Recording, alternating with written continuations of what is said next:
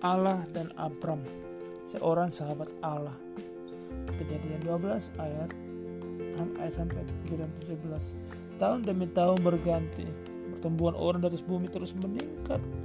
Mereka membangun rumah, mereka tinggal di kota-kota yang besar, banyak yang punya tanah pertanian yang luas, ada orang kaya, tapi juga ada orang miskin. Tapi hanya beberapa orang yang mengingat Allah, hanya beberapa orang yang berdoa sama Allah. Adalah seorang yang bernama Abram, ia berdiam di sebuah negeri bernama Ur di Kastim. Abram berdoa kepada Allah. Abram membawa persembahan sama Allah di atas mesbah dan Allah menyebut Abram itu sahabatnya Allah. Suatu hari Allah berfirman sama Abram, Abram keluar dari negerimu, tempat tinggalmu, pindah ke negeri yang akan kutunjukkan kepadamu. Aku akan memberkatimu, aku akan membawamu suatu bangsa dari keturunanmu. Semua keluarga di bumi akan diberkati demi engkau. Apa maksud Allah ketika ia berfirman, semua keluarga di bumi akan diberkati demi engkau? Maksudnya ialah bahwa ia akan memberi Abraham seorang anak dan cucu-cucu serta cicit. Mereka mempunyai lebih banyak lagi cucu dan cicit hingga akhirnya salah satu di antaranya adalah Maria dan anak Maria ialah Yesus. Lahir dari Yesus dari dia yang akan datang untuk menyelamatkan kita dari dosa. Abraham tidak mengerti semua hal itu, tapi ia sungguh mengasihi Allah. Ia sungguh ingin Allah memberkatinya. Jadi Abraham menyuruh hamba-hambanya bersiap-siap untuk pindah. Ayo kita pindah. Ia menyuruh istrinya Sarah untuk bersiap-siap.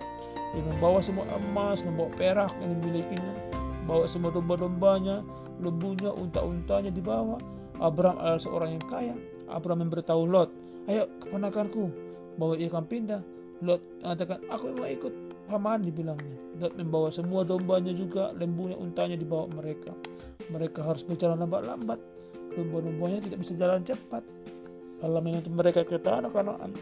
Setelah berapa lama, Lot menyimpang sedikit dari jalan Abraham. Lot kemudian menetap di kota besar di Sodom.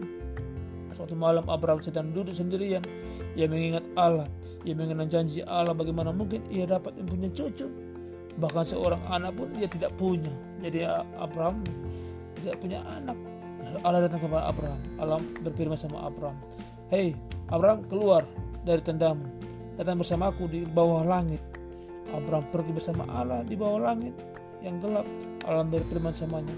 Hei lihatlah pandang cakrawala itu panjang langit-langit itu coba lihat apakah engkau sanggup menghitung bintang-bintang hitung bintang Abraham mendengar bintang-bintang bersinar terang.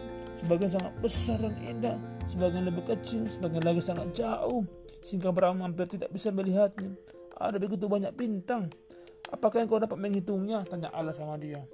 Abraham menggeleng-geleng kepalanya uh, bagaimana aku sanggup Tuhan? Allah ada begitu banyak bintang, hanya Allah yang tahu jumlahnya. Lalu Allah berfirman, anak-anak dari anak-anakmu akan seperti itu. Oh, sedemikian banyaknya sehingga tidak terhitung jumlahnya. Abraham dan Sarah sudah menikah lama sekali, namun mereka belum punya satu orang anak pun. Tapi Abraham percaya sama Allah. Ia menunggu Allah menepati janjinya.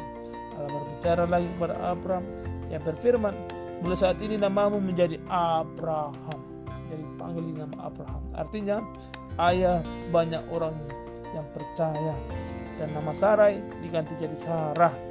Itu artinya putri. Dan kalau anakmu lahir, engkau harus menamanya Ishak. Ishak